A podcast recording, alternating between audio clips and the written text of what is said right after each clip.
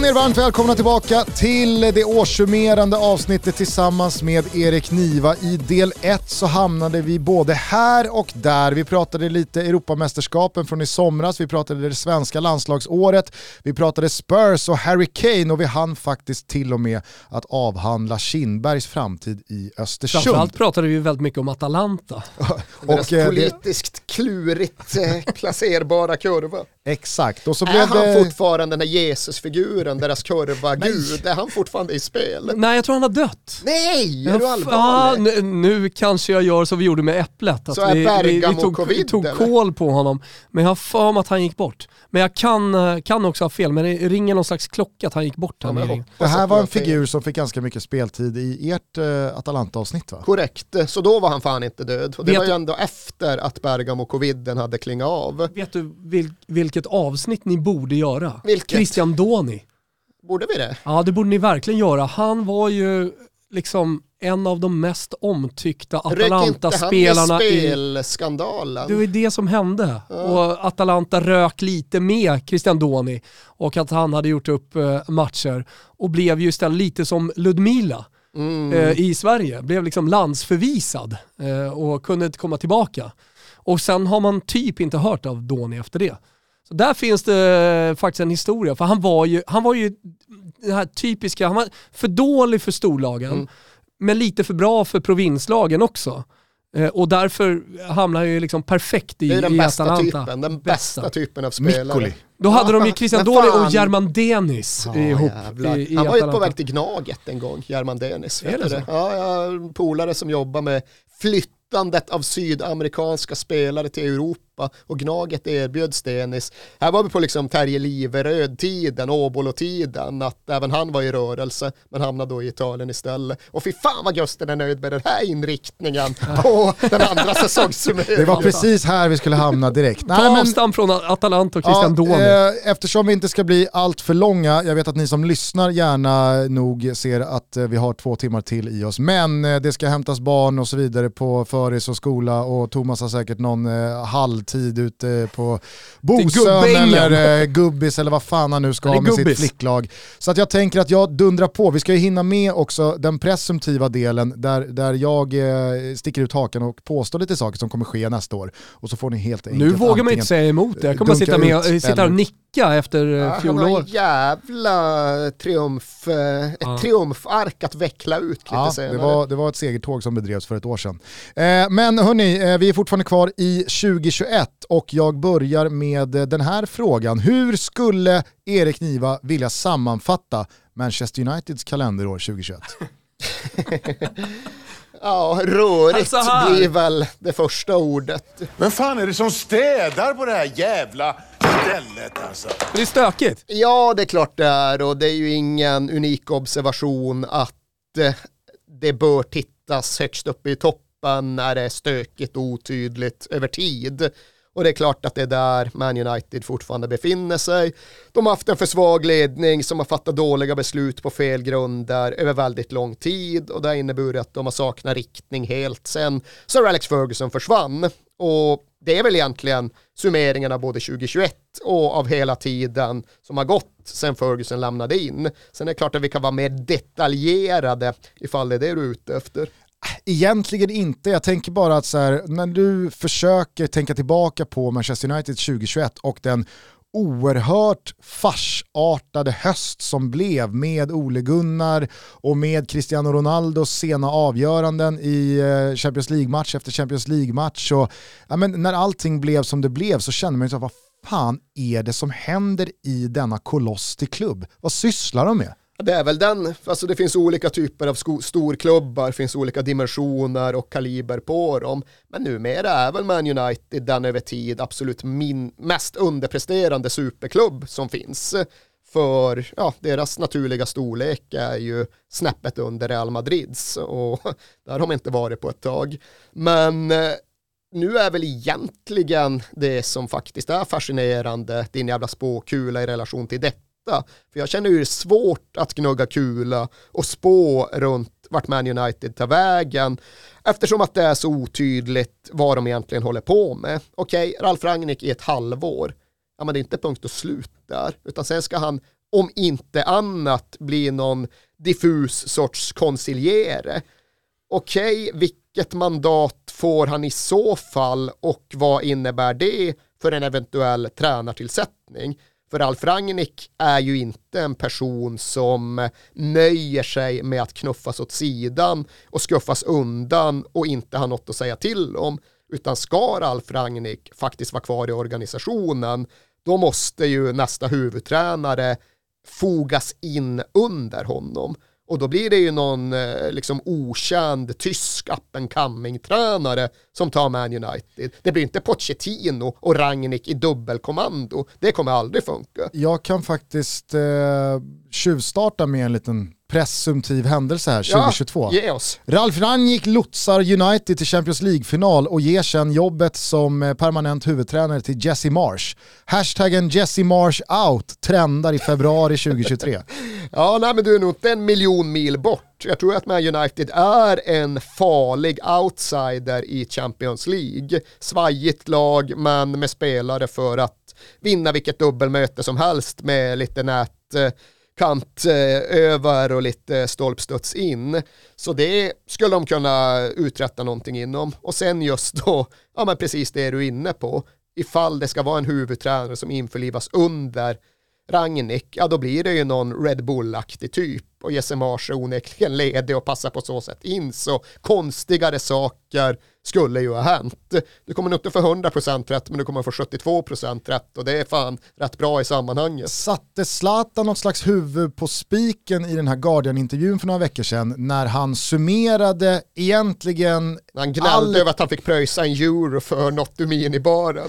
Nej, det missade jag. Ja, nej, han det var svinsur för att han hade tagit något ur en minibar på en bortaresa och sen han fick lönebeskedet vid månadens slut, en euros avdrag, juice i West Bromwich. Eller vad fan det nu var. Fan, det, det missade jag helt och hållet. Ja, det, tyckte, det tyckte han var väldigt talande. Det är för övrigt otroligt att Zlatan alltså synar lönespesen i sömmarna. Vad är det här? En euro? Det kanske bara var den raden. Ja, det finns många slutsatser Går till botten här. med det. Okej, okay, fyra miljoner i veckan här. Och så det blir bara 3 miljoner Där svaret såklart är att eh, Zlatans ekonomiavdelning har uppmärksammat honom på just den här detaljen. Någon av hans absolut bästa polare på hans egen juridikavdelning ja. har eh, fått upp ögonen för detta och vidarebefordrat. Innan man blir den där SD-kvinnan i eh, riksdagen som helt dribblade bort sig med 40 000 euro. Miljarder. Eh, 400 000 pund skulle jag uppskatta eh, Zlatans veckolön till. Inte 4 miljoner pund. Fan vad man har lagt på och dragit ifrån några nollor för mycket vid tillfällen genom åren det är mm. bara att konstatera. Ja men så är det. Eh, nej men det i alla fall eh, skulle komma till var ju att han då i den här intervjun sa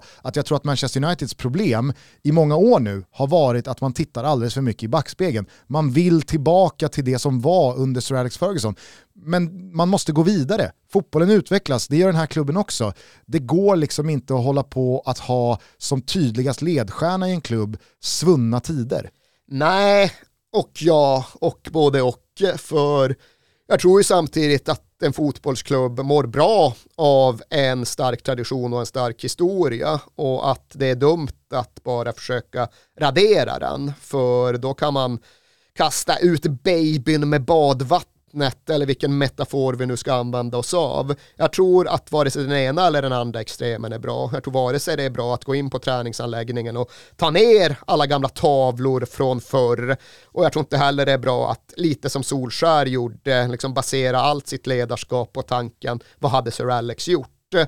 Det är en balans och det är svårt som satan att hitta rätt i den och Liverpool kan vittna om detta och Arsenal kan vittna om detta och Milan kan vittna om detta och väldigt många storklubbar som har tvingats till den här sortens ökenvandring måste på något sätt orientera sig i det. Men jag tror det blir lite väl enkelt att bara säga att eh, backspegeln finns inte, historien existerar inte, nu tittar vi bara framåt för ah, då har man ju inte Man United längre, då har man ju vilken jävla klubb som helst. 2021 var året då Karim Benzema till slut nådde rättmätig status i den moderna fotbollshistorien. Tycker jag. Ehm, alltså han har ju alltid varit, eller fram till att eh, Cristiano Ronaldo gick till Juventus så var han ju alltid hans vapendragare någonstans. Och, eh, vi som uppskattade Benzema var, var no, vi, vi, var få eh, som uppskattade hans jobb som han gjorde för Ronaldo. Det blev ju väldigt tydligt när Ronaldo försvann också och han, han fick ta en ny roll i laget.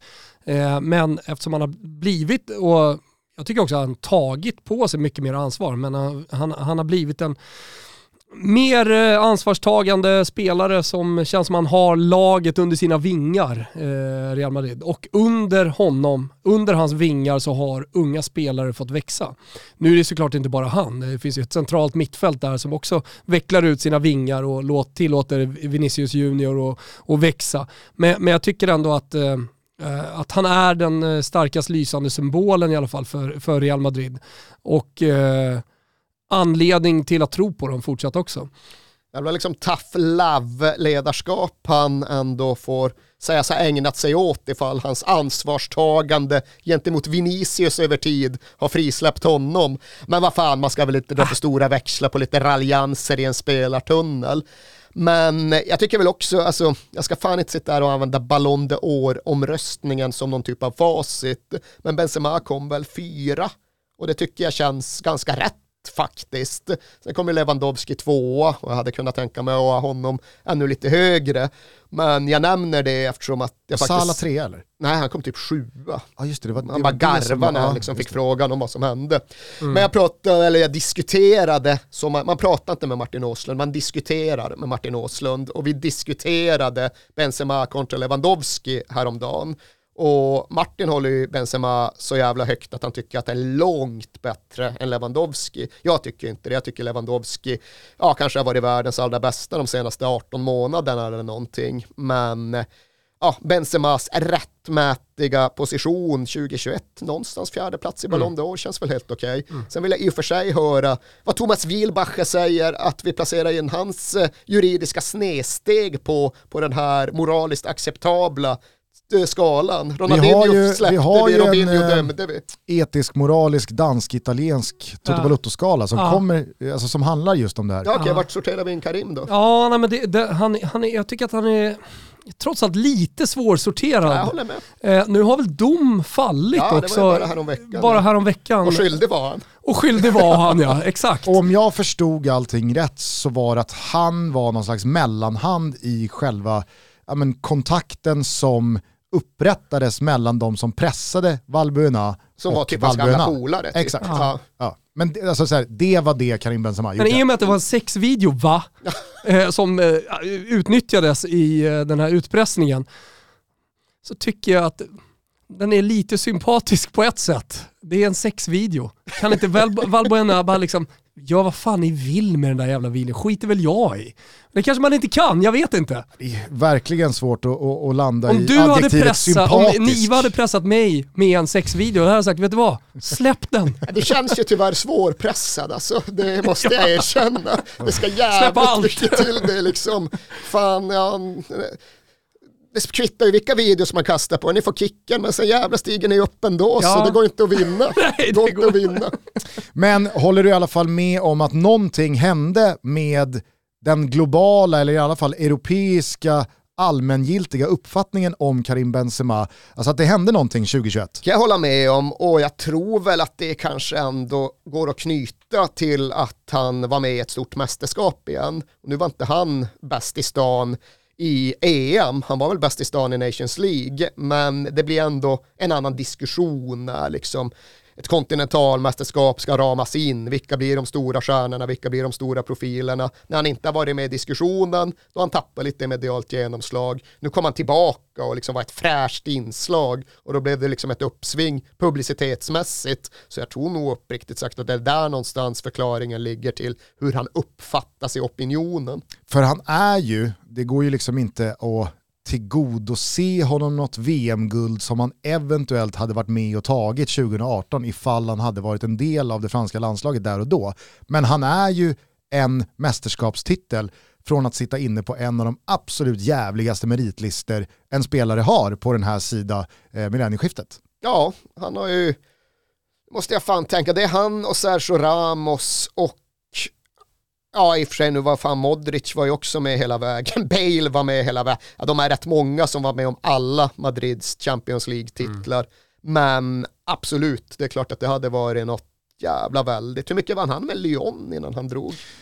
Två ligatitlar. Ja, det var liksom Ola-tidens eh, största stunder som han var med om där. Så nej, för helvete. Men som svar, varit tre. som svar på din fråga på den dansk-italienska etisk-moraliska 10-gradiga skalan så hamnar han på en trea. Och det är alltså, jag måste tolka här, Dan Danmark är ett och sämst, Italien är oantastligt och tio. Nej. Så- Nej, alltså, den, här, den här skalan föddes när det första ryktet började gå om bin Salman till Okej. eh, Newcastle. Och vad, har, vad är dansk eh, kopplingen till det? Eh, att Danmark kör omvända siffror i sina betygsskalor i Mhm. tidningar. Där är det alltid liksom sämst att få en femma Ja, okej, ja. eller en sexa. Mm. Det är bäst att få en etta. Och så blir man irriterad på Danmark och danskjävlarna även i sådana sammanhang. Okej, De inte ens kan få någonting rätt. men jag fattar Eh. fortfarande att det är skalan. Jo, men då är skalan 1 till 10, men vi har inkorporerat Gazettan och Ita- I- Italiens överlag halvpoäng Aha, för ja, att ja, kunna ja. nyansera. Mm. Så därför blev den dansk-italiensk för att eh, 10 är sämst. Okej, så Att få. Robinho ligger på 9,5 någonstans? Jag tror liksom. att vi, vi landade på bin Salman i 9,5. Okej, för Vi han är liksom- liksom styckmördaren och etik- jävla etik och moral. Men det finns ändå en halv till att ta. Det ska man veta, det- Gazettan har delat ut få tior genom Exakt, vi åren. delar inte ut 10 bara Det är sådär. Hitler, Hitler är en tia Ja, liksom. han är en tia, Ja. exakt. När, när eh, Mattias Sindelar ställer sig nedanför eh, Adolf Hitler och firar det österrikiska målet, som han inte fick göra. Det var, det var stora tider. Mm. Men på, så på den dansk-italienska eh, etisk-moraliska skalan så blir det ändå en trea på Benzema. Han går ganska fri skulle du säga. Han har ändå en trea. Ja, Ja. det är uppfattat. Ronaldinho, Ett, ett En och en halv. Ja, 1,5 ett och ett halvt. precis. Ja, ett och ett halvt. Toto Balotto är sponsrade av Simor och det är vi oerhört glada över. Eh, hoppas nu ingen har eh, missat eh, den nya Beck-filmen Ett nytt liv, den 43 filmen i ordningen. Vilket jävla fint maraton de sysslar med där borta. Walter Skarsgård kliver in som Martin Becks son.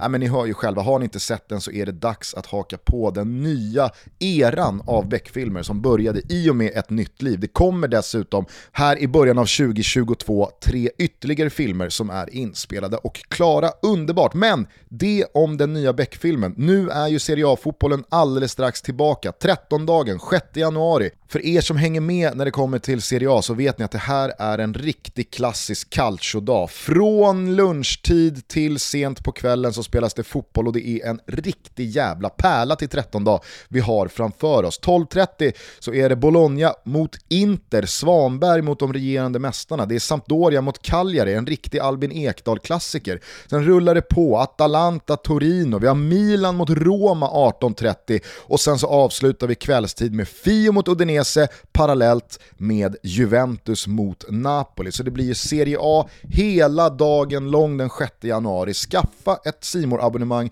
om du inte redan har det, för då får man all fotboll från Italien och Serie A, all fotboll från Spanien och La Liga och all fotboll från Champions League när den turneringen är tillbaka om lite knappt en och en halv månad. Gå in på simor.se och hitta det abonnemanget som passar just din fotbollskonsumtion och din plånbok allra bäst, så tar vi det därifrån. Vi säger stort tack till Simor för att ni är med och möjliggör Toto Balotto. Marek Hamsik landade i Göteborg, skapade total hysteri, hybris och avund, drog på sig Blåvitt-tröjan och lärde oss vadå? Ja, lärde väl oss en del om hur fotbollsekonomi faktiskt kan fungera även i Sverige. Lärde oss en del om att skjuta halvvolley med jävligt bra teknik och lärde oss därtill återigen en läxa kring vart, eh, hur mycket spelare kan tappa när karriärskurvan har börjat gå ut för. Och nu ska jag väl i och för sig säga att jag har en svag bild av hur mycket Marek Hamsik har bidragit till Trabzonspors sensationella höst. Han kanske har varit en tvåa på den dansk-italienska skalan och verkligen fört dem upp i serietät. Och då får man väl omvärdera. Kom ihåg att den dansk-italienska etisk-moraliska skalan inte har någonting att göra med sportslig prestation. Okej, så här kan jag inte applicera här helt Nej, enkelt. här får du Ja. ta någon annan skala. Nej men Trabzonspor leder väl den turkiska ligan rätt stort och Marek Hamsik är där och spelar fotboll så han kanske har varit svinbra och i så fall får jag omvärdera hans karriärskurva. Men det är klart att när han kom till Blåvitt och liksom inte palla en enda jävla träning på något blåsigt eh, Valhall eller vad fan Valhall eller vart de nu var. Eh, det fick väl att känna att ja, det är inte något toppskick här, men det gick väl också knut, knuta till att han hade varit i Kina och knappt spelat någonting på jättelång tid. Och allting så. handlade om att han skulle komma i bet- alltså så god form som möjligt Till till EM, EM utan att skada sig. hösten. Det. Ja, nej men vad fan alltså, det är klart att sportsligt blev det ingen bingo. Totalt sett så räknar väl ändå Blåvitt ihop helhetspaketet. Det var inte så att de försämrade laget och de gjorde lite ekonomisk vinst och fick en jävla massa internationell uppmärksamhet. Så jag tycker inte att det var dumt att de genomförde grejen, men eh, ja, det blev ju inte direkt någon någon guldkänning för Blåvitt ens, ens under våren. Nej, alltså jag, jag är helt övertygad om att som du är inne på, de räknade hem affären och jag tror att eh, där och då så, så skapades det ju en hybris och en framtidstro och någon form av liksom stråk av vi är gamla stora mäktiga Blåvitt igen i supporterled som de fan inte har varit bortskämda eh, med de senaste 10-15 åren. Fan vad den föreningen väntar på lite medvind. Verkligen. Jävlar vad det kommer lyfta när den väl kommer. Men rent sportsligt så vill jag ändå känna att så här, när, när, när han väl lämnade, för att vi rycktes ju också lite med i det där att det här är den största värvning som har gjorts till allsvenskan någonsin. Nu kan alla bara liksom sluta snacka om eh, Diego Lugano hit och eh, Ibrahim Bad dit och Jari. Littmanen eh, Han- skulle MFF-arna komma dragandes med. Ja, men, alltså, Den tycker jag är berättigad. Jo, jo, jo det var är berättigat, men alltså, även vi Mm. slog ju fast att nej, men det går inte att tävla med den Marek Hamsik som nu kommer. Visst, han har studsat eh, emellan i ett drygt år i Kina, men det här är liksom en, en Napoli-ikon som gjorde bra saker i toppen av Serie A och spelade Europacup-fotboll så sent som bara för ett och ett halvt år sedan. Alltså det, det är han som kommer till Blåvitt. Men jävlar vad den där våren lärde mig en gång för alla. Det är inte bara att ställa ut skorna i allsvenskan. Och när man väl såg Marek Hamsik vara Marek Hamsik i vissa givna sekvenser på en plan så insåg man också att eh, Kevin Jakob eller Robin Söder eller liksom vem det nu var som sprang där uppe det är så jävla mycket samspel på den yttersta nivån av fotbollen. Att Marek Hamsik kan inte bara göra en average allsvensk spelare till Gonzalo Higuain, ju eller också, Cavani, eller någon annan som han har liksom skapat magi med i Napoli.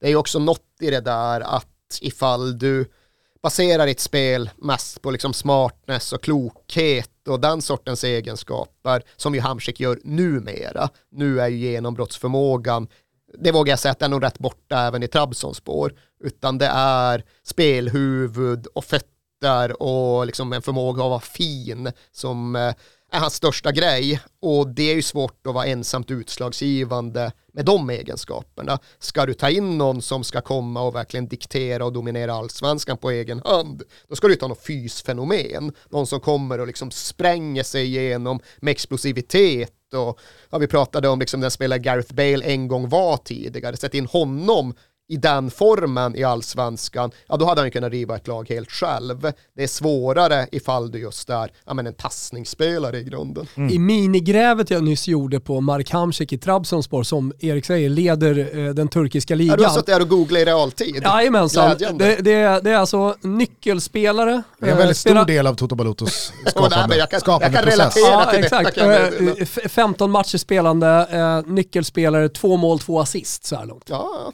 ja, men det... Det kanske var mer så att han var rostig efter kinesiska karantäner än att han var på liksom irreversibel fysisk nedgång. Men, men det- den Marek Hamsik vi såg i EM var väl mer blåvitt Marek än Ja. denna liksom turkiska tyfon som då tydligen har seglat upp under hösten. Från Men jag ska bara Blåvitt säga att han landade, han landade, och, alltså, ha, eller han har landat nu väldigt bra hos Blåvitt-supporterna. Alltså de, tycker, de, gillar tyckte honom. att det var härligt Ja, att han kom de kommer- och gillar honom fortfarande. De och- kommer liksom skrävla om det om tio Yes. år. Tänk när vi hade Marek. Liksom. Yes. Okej. Och han fick med Årets sig mål. årets mål. Ja, det fick han väl ja. ja, så att, eh, ja. I det utskällda Stora Allsvenskans pris. Nej, men, Allsvenskans eh, Kan som du få skit för det? Vad sa du? Kan du få skit för det på något sätt? Har du ingått i någon jurygrupp eller är det nej, bara nej, nej. Discovery? nej, nej, nej, nej, nej. Ah, och det är Discovery och Biro. Okej, ja, ja, men det, Ja. det, det är alltid någon att kasta skit på i alla fall. I del ett så pratade vi om att man bara minns eh, de positiva delarna. Mm. Och eh, jag menar, årets mål, det är väl ganska bra att minnas då från Mark Hamsik. Hade väl någon passning också till någon, någon gång.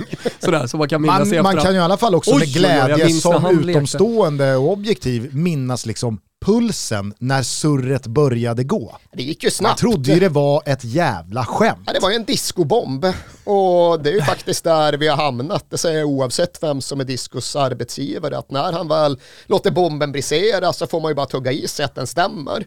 Och Hur känns det? ja, det kändes ju, med, eller vilket då? Hamsik disco? disco. Eh, Så jag, jag tar inget liksom övergripande redaktionellt ansvar numera och har väl aldrig varit så liksom driven av den där kampen kvällstidningar emellan. Men det ska bli kul att vara kollega med Disco, vad fan så är det ju. Ja, ja.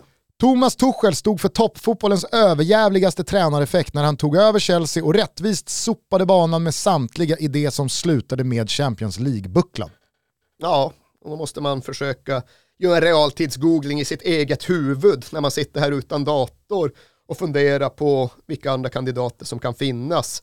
Men det kan väl vara skitsamma. Eh, det han gjorde var ju helt hisnande för att, precis som du säger, så var det ju inte Roberto Di Matteo som kom in och flukade en Champions League-titel, utan han coachade ju dem till en Champions League-titel. De vann Champions League rättmätigt tack vare hans modell och hans mönster och hans förmåga att bygga lag och sätta matchplan. Och det gör det ju till en av de mer hisnande tränar gärningar, tränarprestationer man kan dra sig till minnes. Och det är klart att det är en sak att komma in och göra en typ av brandkårsgrej när någon Big Sam räddar kvar något Sunderland mot alla odds. Men det är ju mindre anmärkningsvärt än att göra det högst upp på den allra mest utslagsgivande spetsen. Och där kan jag ju inte minnas att någon har gjort det Torshäll gjorde. Börjar man se priset för det här? Jag tror att alla lag någon gång har någon liten svacka. Sen exakt hur lång den är eh, och hur allvarlig eh, all, eller så här, hur allvarliga konsekvenser den svackan får rent sportsligt. Det, det, jag, jag, jag tror ju någonstans så att Thomas Torshäll snart börjar vinna och vinner tio raka igen för att eh, jag, jag tror så mycket på honom som tränare och på det spelarmaterialet som finns i Chelsea. Och det, det är liksom ingen fluga. Det var, det var inte så att han flög en vår och, och vann Champions League. Dessutom inledde Premier League väldigt bra. Utan jag tror snarare att vi har att göra med en svacka. Många spelar bort om jag inte har fel. Det är ni som det är jobbar det- ty- närmare. Covid-utbrott nu igen och Ja, Ja, men dels covid-utbrott, men det har ju varit mycket skador också. det Ja, har ju ja, ja. varit mycket frånvaro och det är det jag Ja, men menar det, att det den spelar här ingen roll hur våren, den här fantastisk du är, du kom, då, det, liksom, ingen klarar sig eh, från svackor, speciellt när skadorna kommer. Nej men det var väl bara det alltså, så, som, som jag försökte eh, insinuera här. Att den våren Chelsea gjorde, man gjorde det på ett sätt, man tryckte gasen i botten, han, fick, alltså, han tömde den där tanken på allt som fanns och som du är inne på, man rivstartar den här eh, Premier League-säsongen också på samma sätt. Men att det nu börjar kosta lite. Nej, men så här, jag, tror, jag tror att eh, precis som en nykomling som flyger de första tio omgångarna och lägger sig i, någon slags toppskikt som vi ser varje år i alla länder nästan, eh, så kan man nog applicera lite samma logik på, på Chelsea. att de andra lagen lär väl sig vilka nycklarna är eh, för just Thomas Tuchels Chelsea och lär sig försvara mot det bättre eller lär sig att ut, utnyttja eh, liksom, de, de hål som finns i Chelsea mer och mer också. Eh, det, är väl, ja, det, är väl, det är väl också ganska logiskt att det, att det blir så. Ja, det ska bli jävligt intressant för jag tyckte ju ändå att det var en gåta under hela fjolårssäsongen hur lite de ändå fick ut av Timo Werner. Jag tycker Timo Werner är en jättenyttig spelare och använd på ett sätt som passar honom så kommer han göra jävligt många poäng, även om han förmodligen också kommer slå bort mycket även framöver. Men att det nu har ersatts av en vår, då de har fått, eller av en höst, då de har fått ut väldigt lite av Lukaku. Och det är skador och nu är det covid och det är en del av förklaringen, men det är inte hela förklaringen. Lasse Nilsson var där med stora lian, Ja, exakt, exakt. Och klippte sex veckor. någon eh, trekvarts miljards sågning där ja. Men även när han har spelat så har han ju med egentligen reservation för debuten mot Arsenal sett ut som en mycket sämre variant än den Lukaku som spelade för Inter. Nu ser han ut som Premier League-Lukaku igen. Det är Och så också lite intressant att det, liksom. eh, agenten är ute och pratar om en eh, återkomst till Italien. Han tyckte väldigt mycket om Italien. Han saknar Italien, rent kulturellt och landet och sådär. Ja, och han, väl- han såg ut att trivas väldigt bra i, i Milano Ja, och i den italienska fotbollen. och med Conte som verkligen coachade fram råämnet ur honom. Så även där vill jag ju Där tro. har du ju. Ja, Han ska till Spurs. han ska till Spurs och coacha ut råämnet ur Davinson Sanchez. Jävlar vad han får coacha! Vi eh, får väl se var eh, Chelsea och Tuchel och Lukakos säsong tar vägen. Men ni säger i alla fall inte emot mig att det var den överjävligaste tränareffekt man sett i toppfotbollen. Nej, jag säger inte emot. Jag kan Nej. inte komma på vad som skulle vara jämförbart. För som sagt, det är något annat. Att Nej, men rädda det är som en du- krisklubb. Exakt, det är som du att- säger, Davide Nicola som kommer in och liksom gör en great escape med eh, Crotone. Det, det, det, är inte, ja, det, är på, det är på den yttersta nivån, då blir det någonting extra. Åh jävlar, nu ska jag bara buda hem en GIF Sundsvall-tröja på Tradera. Varför då? Eftersom att det är sånt jag gör. Ja, ja, ja. Hur Eh, går det? Är vem du i slutskedet? Vem är, eh, vem är på ryggen? Vänta, jag måste bara hitta rätt här. Jag- Är den matchanvänd? Eh, Ja, för helvete, nu gäller det att fokusera här. Storfoppa. Jag har typ en minut på mig eller något. Ja, oh, tror du det? Där, ja. Leif. Albin Ekström som ju nu har avbrutit sin elitsatsning för att han tappade sugen. Det kan jag ändå relatera till. Ja. Så den ska vi försöka buda hem. Men jag är simultankapabel. Det är två Hur många 15 matchtröjor har du?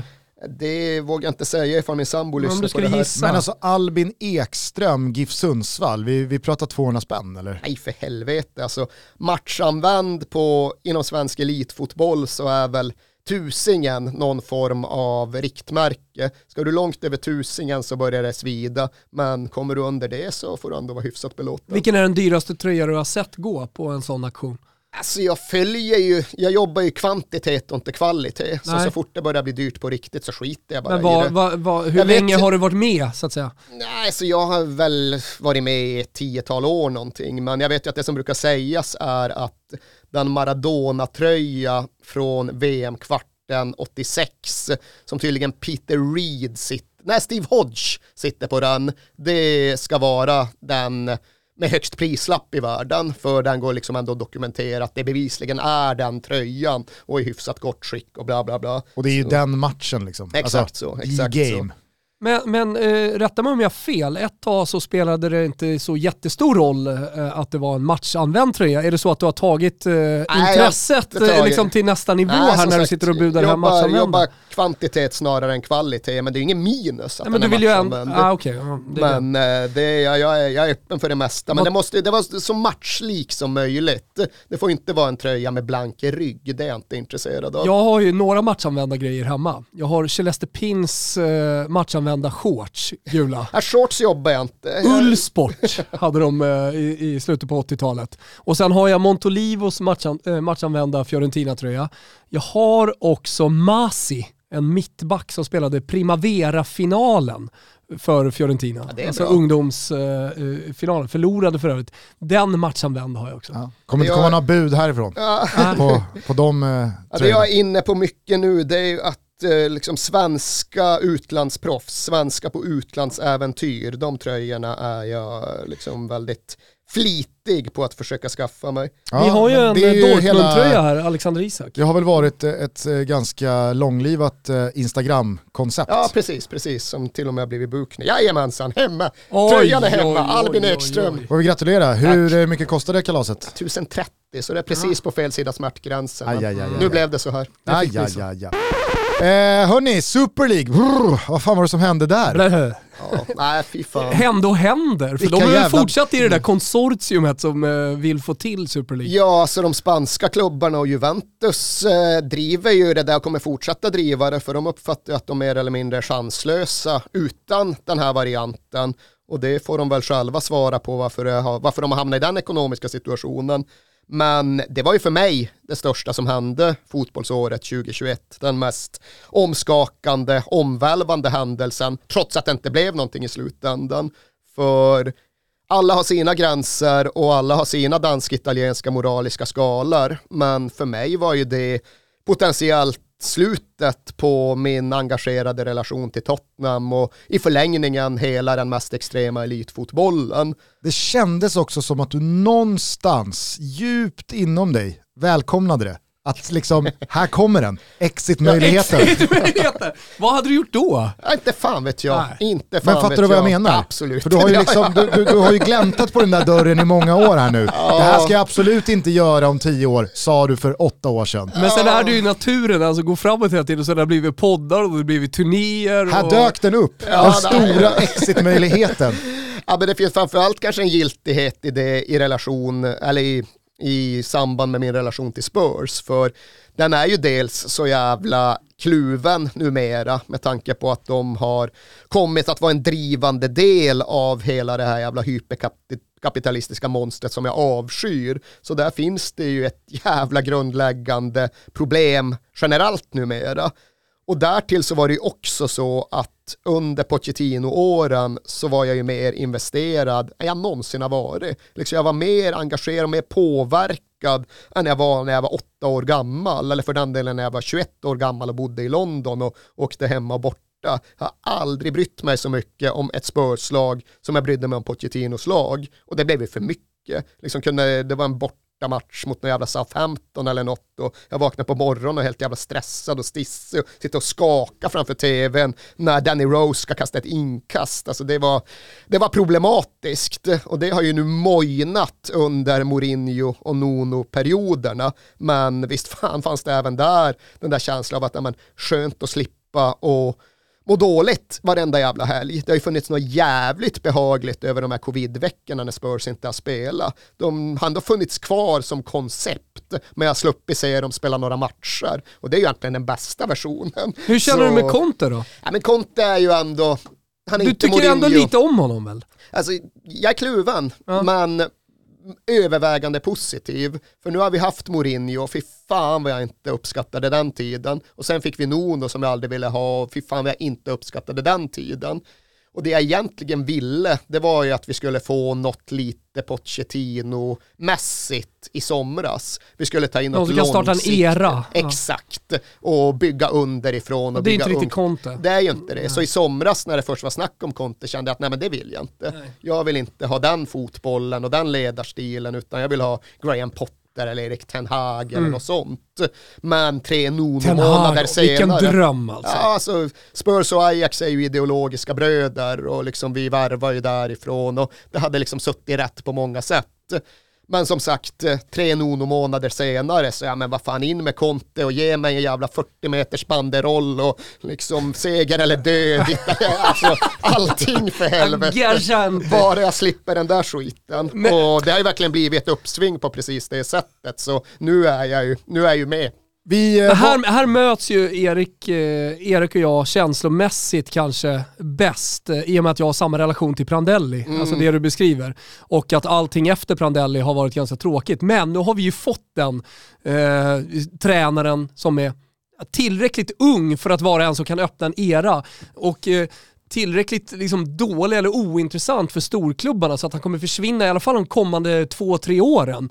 Eh, utan vi kommer i alla fall få en mini-era, det vet vi. Och vi spelar en fantastisk fotboll och det ser bara ut att bli bättre och bättre för varje vecka som går. Det, det är... Eh, det finns verkligen en, en fotbollsideologi som han vill liksom, eh, sätta på Fiorentina. Det är så här vi ska spela. Sätt ut dem i vita tröjor, neutrala. Eh, och, och, och spela med ett lag så kan du se. Det här är Vincenzo Italiano som, som Ja, coachar det här laget. någonting. Sånt är värt jävligt Och det är mycket. fantastiskt. Och innan vi ska vidare på Superligan, vilket jag tycker vi ska, jag vet inte om du kommer återvända dit, men hur fan är det för dig och för er med Mourinho? Nu vann ni mot Atalanta Underbart. på ett... Du är på allvarlig. Underbart. Du är allvarlig. Du kommer hata honom om ett halvår. Su- Supportrarna älskar ju honom också. Du vet, det kommer 50 000 på den här hemmamatchen här nu mot Sampdoria och det är bara Mourinho-effekt. Han har sånt Men enormt legacy i Italien. Fan var väl folk ändå sura efter eh, Venezia borta och sådär. Och fan började det knaka lite grann här för tre, fyra veckor Ja, sedan. men du vet, Alltså- han kom undan med skador och Alla- corona och, och grejer liksom. alla förluster, i alla fall i Serie A, eh, har ju gått att skylla på någonting. det går rimligt. alltid att skylla på något i Förutom Mourinhos Inter, det värld. var ju liksom en asfaltering. Det är ju bara, det är bara att ta, det är bara att köpa. Inter är eh, Italiens bästa lag, så är det med den saken och de visade det mot Roma. Eh, men sen så har det ju varit domslut eh, och det har varit motvind och det har varit, Åh, liksom, eh, det, det, det har varit kantboll på fel marginal. Eh, Och Mourinho vill inte säga vad, han kan inte säga vad han egentligen Och tycker den- om domsluten. och för i den, där så fall- Så är det ju. 6-1 och den där 6-1 förlusten mot Bode Glimt, den fungerade ju också väldigt väl tror jag uppåt med att titta här, det här är bredden i truppen som vi håller för dagen. Det är gamla slaktade Bruno, eh, det Bruno måste Majoral hända grejer här. och, och de här spelarna. Det är gamla kortet. Ja, men det var väl Borja Majoral, men Diawara och en del andra spelare som, som verkligen fick, fick lida av eh, den där insatsen. Eh, men, Ja, men underskattad spelare, Borja Majoral. Klackar väl in någon boll här i sista Europa League-matchen.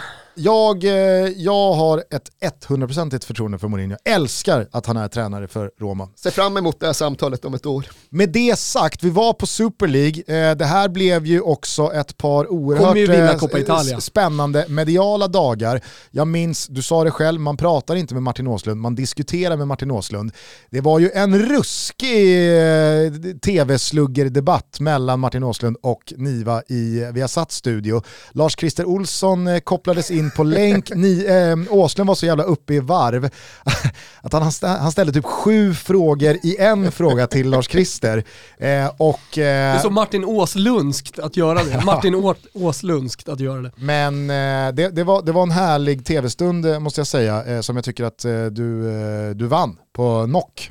Ja, det, det minns jag faktiskt inte vad ett eventuellt utfall blev, men det är väl ganska liksom, det är tacksamt för där är det ju väldigt lätt att ideologiskt orientera sig. Jag gillar Martin Åslund jättemycket, jag tycker det är fantastiskt att han är så villig att diskutera och liksom framträda och företräda sin sak som inte nödvändigtvis behöver vara det som folk uppskattar, utan han skiter väl i vilket. Men vi har ju olika ideologiska utgångspunkter och oavsett om det kommer till livet eller till fotbollen, så tror jag på så små skillnader som möjligt mellan de som har mycket och de som har lite. Och det absolut värsta jag kan tänka mig är att cementera en situation där de största bara genom sin storlek för alltid kommer att ha mest. Och det gjorde ju att superligan var helt liksom otuggbar för mig. Jag kan svälja mycket skit i fotbollens namn, men ja, jag har full förståelse för att andra tycker att gränsen går någon annanstans. Där går den för mig, när man stänger in sig i ett låst rum där bara de rikaste och största har tillträde och så ska det vara för all framtid. Ja, men det är min gräns. Eh, jag eh, bär med mig, och det, det är nog liksom själva koncentratet som, som jag kommer tänka på när jag minns de här oerhört intensiva dagarna i våras. Det var att det gick så fort och det blev sån jävla smäll att alla nästan, nu, nu, nu kanske man inte gjorde det fysiskt, men ur något slags socialt medieperspektiv gick man ur huse och slogs för samma sak tillsammans. Alltså det blev så tydligt vad de viktigaste beståndsdelarna i sporten fotboll är för så många. Och ska det vara på det här viset, då kvittar det. Ja. De, de, de personer som jag tycker mest om i ett sånt läge är de som går emot det. Och väldigt tydligt går emot det också. Jag kan verkligen ömma för Det dem. kan bli Martin bra matcher. Det Ja, kan bli bra matcher. Ja, ja, ja verkligen. Nej, men det är ju också någonting där som jag tycker det går att vidga till både liksom en samhällsdimension och fan och form av allmängiltig situation. Att när beslutsfattare och företrädare inte företräder ett folk så saknar de ju legitimitet. Och här blev det ju så jävla tydligt att dagens klubbägare saknar egentlig legitimitet. De har sina pengar och de har köpt sina klubbar men de har fan ingen legitimitet för de företräder inte supportrarna, folket, människorna som fotbollen faktiskt finns för. Och det blev ju jävligt tydligt när, jag tror själva de eh, missbedömde vad reaktionerna skulle bli. I alla fall i England. Det går ju att konstatera att reaktionerna i framförallt Spanien var ju inte alls de samma. Det var inte samma krafter, det var inte samma samstämmighet. Men i England så får jag verkligen intrycket av att ja men Liverpools jävla amerikanska ägare, de trodde någonstans att det här skulle landa helt okej. Och då har man ju svårt att fortsätta ja, företräda klubben. Nu finns det ännu värre exempel på usla ägare, men ja, det var ett exempel ur högen. Fyra eh, punkter kvar innan vi kommer in till de presumtiva eh, Ja. skeenden under eh, 2022. Bear with me. Eh, FC Barcelona fick vinka av Lionel Messi, lämna Champions League redan i gruppspelsfasen och inse att den nya, mörka, kalla och pissiga tiden nu är här. De gick till fotbollshistorien som ett av världens bästa lag genom tiderna, men tronen kommer de inte sitta på igen förrän både Toto Balutto och When We Were Kings är poddhistoria. Rejält dammig sådan. Jag vet ganska exakt när When We Were Kings blir poddhistoria, så det här är i så fall ett tydligt tidsperspektiv att förhålla mig till. Oj. Men Oj, oj. eh, jag tror... Nyfiken man blev. Ja, det kommer jag faktiskt inte ens säga. Men det finns en plan för det. Men eh, jag tror väl så här att utifrån rådande situation så går det inte bara att klösa sig tillbaks till toppen på organisk väg under överskådlig framtid. Xavi och Pedri och Gavi kan trilla hur mycket passningstrianglar som helst. Det ekonomiska läget är för uselt för att det ska gå att rädda. Men sen kommer det ju visa sig att eh, spelreglerna för ett FC Barcelona i Katalonien är andra än för andra klubbar, från, än de är för Borussia Dortmund i Ruhr.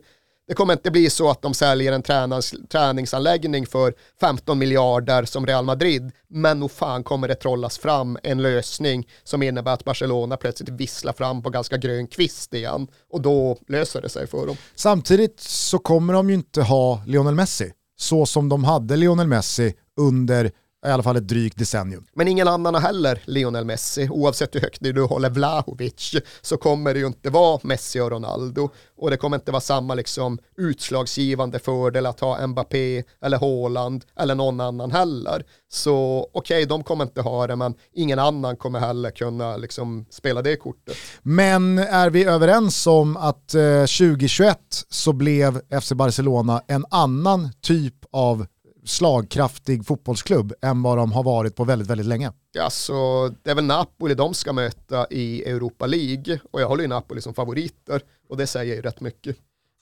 Nej men eh, alltså, nu har vi pratat om Manchester United i den här delen och hur lång tid det har tagit för Manchester United att komma tillbaka, eller de har inte ens kommit tillbaka, det är liksom hela tiden.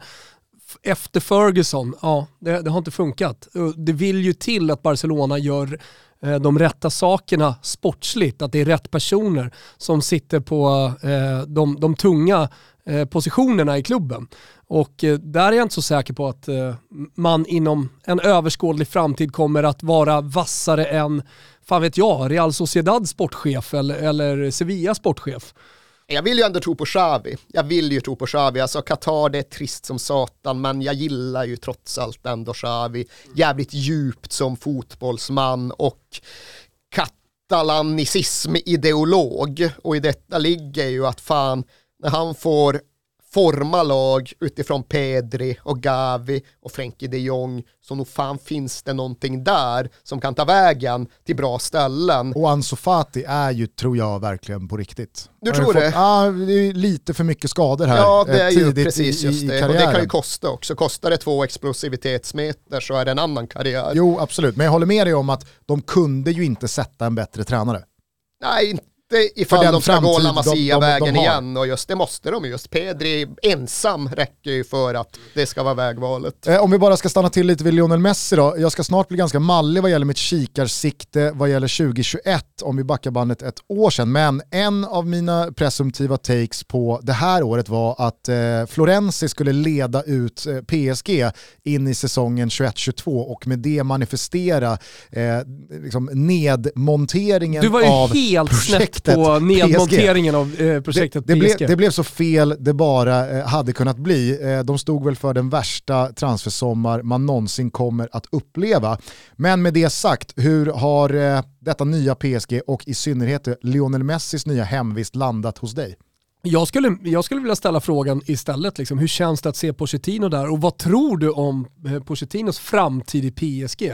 Nu är det rykten om Manchester United och så, men ja, eh, alltså jag, jag, jag kan ändå nyktert se att Prandelli, han hade ingenting i Galatasaray att göra. Jag tyckte han gjorde det bra i landslaget, men, men jag såg inte riktigt en, en, en, en, eh, en titelvinnande tränare i en storklubb igenom. Ser du det i Pochettino? Alltså Tror det är helt det- omöjligt för honom att undvika att vinna franska ligan en gång till. det. Och inte fan vet Han jag, redan ändå en den. Nej, det har han titelvinnande. inte. Nej, de torskar ju där mot Loskan. Obegripligt nog så vann ju Lill Det jag ligan. menar är att de leder ligan med 13 Ja, poäng ja. före OM. Ja, Så- nej, den är ju klar Ja. såklart. Ja. Men det är ju inte tillräckligt för någon form av Räknas bortbetyg. inte. Nej, han måste ju vinna Champions League och det tror jag inte han kommer göra. Och det är väl lite för att ja, men det på ett sätt är fel man på fel plats. Eh, Det finns ju inget i hans meritlista och i hans tränargärning som talar för att han ska vara mannen för att få Messi, Neymar och Mbappé att samarbeta glatt på ett någorlunda fungerande sätt. Till det ska man väl ha Ancelotti liksom. Men Pochettino, han ska ju bygga underifrån och ungt och liksom skapa en grupp som är beredd att stå med ryggen mot väggen med dragna svärd när övermakten närmar sig. Och det är ju såklart något helt annat. Så här och nu är ju verkligen misstanken att ja, de vinner franska ligan men ingen är nöjd för det. De åker ut Champions League i en kvart eller en semi mot ett mer energiskt motstånd. Där står de till sommaren, de väljer en annan väg. Fan vet vad som händer med Pochettino, hoppas det inte blir Man United eller något annat i England, men jag har fortfarande jävligt stor tilltro till hans kapacitet som tränare. Messi stod i alla fall för en knapp månad sedan, eller när ni hör det här, en dryg månad sedan och lyfte sin sjunde Ballon d'Or. Eh, den första som eh, på riktigt ifrågasattes, eh, Copa America-titeln i somras till trots. Är det slutet vi ser här nu? Eller har man eh, gjort det misstaget en gång för mycket för att tro att eh, det här är gången vi ser början på slutet? Slog ju fast att han var på nedgång redan vintern 2014-2015. Det är i och för sig liksom, ja, vad definiera nedgång. Eh, men det är klart att han kommer spela över VM 2022 och sen får vi se. Det är klart att slutet närmar sig och slutet ligger nog inte fyra, fem år bort i tiden, utan det ligger väl ett eller två år bort i tiden. Och det är klart att jag vill att han ska tillbaka och spela för Newell's Old Boys och sen lyfta, vika in, men fan vet. Eh, det är väl bara det att, ja, det känns som att grejen är VM med Argentina och att hela prylen i PSG blir någon typ av parentes och eftertanke. Och så är det ju såklart inte tänkt, men där tycks vi stå just nu. Var det hans sista Ballon d'Or? Det tror ja, jag. det måste det ju vara. Det måste det vara. Ja, alltså det är just sprattla till och vinn VM mot Alltså- Argentina. Det kan ju hända, men ja, ja i så fall. Jag Nå- minns när Erik satt här för några år sedan, jag kommer inte ihåg om det var två, tre, fyra år sedan och pratade om Mbappé som eh, var det, eh, liksom efter Messi, Ronaldo, eh, värsta du hade sett och liksom såg eh, guldbollar framöver. Och jag menar, nu har han ju fått en jävligt bra start, eller han har en bra period nu när vi sitter och spelar in och han gör sjukt mycket poäng. Eh, så jag tror ju att han de kommande tio åren kommer, kanske inte vinna varje år, men han kommer i alla fall eh, samla på sig 30 till 50% av guldbolltitlarna kommande tio år. Hade du valt Mbappé före Haaland? Ja. Ja. Ja, men det, det är mer... Hade du? Alltså, Nej, jag vet, jag tycker den är svinsvår. det beror på Eh, vilket lag och så vidare sådär, men alltså personligen, jag bara gillar Mbappé. Satt häromdagen med succétränaren Kalle Karlsson från Västerås SK och frågade, du får välja en spe- värva en spelare från Borussia Dortmund, vem väljer du? Han tog Bellingham. Och Det är klart. Bellingham, ja. Ja men det är väl klart att han, Han är gjorde väl det. avstängd nu och, och eh, har, har väl någon skuld där han ska betala till den tyska ligan. men den dansk-italienska moralskalan, Etisk moralskala. det är en etta på Bellingham på den avstängningen. Det är det ju Det är verkligen. klart att han ska stå och muttra om korrupta tyska domare. Jag, jag ostört. tyckte det var underbart när en 18-åring ställer sig och, och, och säger så. Men jag tycker det är svårt med Mbappé och Haaland, för jag tycker Haaland är fan i mig Jag där tycker inte det är ett dugg svårt. Haaland Ja, men det är för att du hatar 100%. norrmän. Nej, nej. Du tar Alltså, Haaland jag, Haaland, Haaland går utanför eh, liksom mitt Men- Norgeförakt. Han Alltså- är friskriven. Han är friskriven. Han är ju ganska annars lätt att förakta som Absolut. koncept. Absolut, men... han är för jävla häftig att se på en fotbollsplan. Ja, men det, det, där har jag, alltså det har ju, allting har ju med estetik att göra, vad man gillar för typ av fotbollsspelare, hur de rör sig. Men Alltså, det är en jag var ett stort fan av den gamla Bat- Ronaldo. Batman-skurk. Alltså hans låga tyngdpunkt, hans eh, överstegsfinter och, och förmåga i 100% i maxfart ändå byta riktning. Det var jag, det var jag väldigt förälskad i. Eh, Maradonas tyngdpunkt eh, under liksom mina tidiga fotbollsdagar själv, det var, det var någonting magiskt att se honom. Och där, där där tilltalar Mbappé, tilltalar Mbappé mig mycket mer än Haalands det här kraftfulla, nästan lite slängiga, kra, ja, men, Djuriska. djuriska eh, när han kutar. Ja men det är väl kraft eller fart. Det är väl det man väljer utifrån. Och ger det ett år till så kommer du få in en tredje typ av människor som inte väljer Jude Bellingham men som på ett finsmakat sätt säger Pedri och finess. Där kommer du nog liksom ha triptyken. Och det säger mer om vem du är än om vilka spelarna är när du gör ditt val. Och jag bestämmer här och nu att jag kommer alltid säga på liksom i Christian Borellskt vis Dusan Vlahovic. Jag, jag låser mig bara i alla Ballon d'Or-omröstningar. Vad gör Borrell nu för tiden? Apropå mycket. Han eh, är ju väldigt just nu insnöad på eh, Lagfoton. lagfoton. Alltså sa hur, man, här? eller? hur man ställer upp om det är liksom 7, 4, Jaha, 6, det- 5. Men Wales landslag som håller på att liksom trixa med det där. Ja, men det, han, har- han har gått tillbaka i historien och, och så här, det fi- finns liksom, han, han, jag tror att han gillar 7-4 uppställningen väldigt mycket men det finns tydligen en 8-3 uppställning också som han är Så väldigt svaret är på liksom, hur fyller Christian Borell sina dagar? Ja. Hur försörjer han sig? Han utgår från gamla lagbilder. Han röker, han, röker, han röker Toscani på kajen eh, och eh, går igenom gamla lagfoton. Och sen så sitter han i Dobb-produktioner och pratar om dessa. Fan alltså, Zlatans lönebesked i alla, jag vill fan se spesen som Christian Borell kasserar ut varje månad liksom. Ja. Eh, på tal om Borrell så hamnar man ju lätt i Italien och 2021 var året då man en gång för alla insåg att Juventus stod och föll med Beppe Marotta.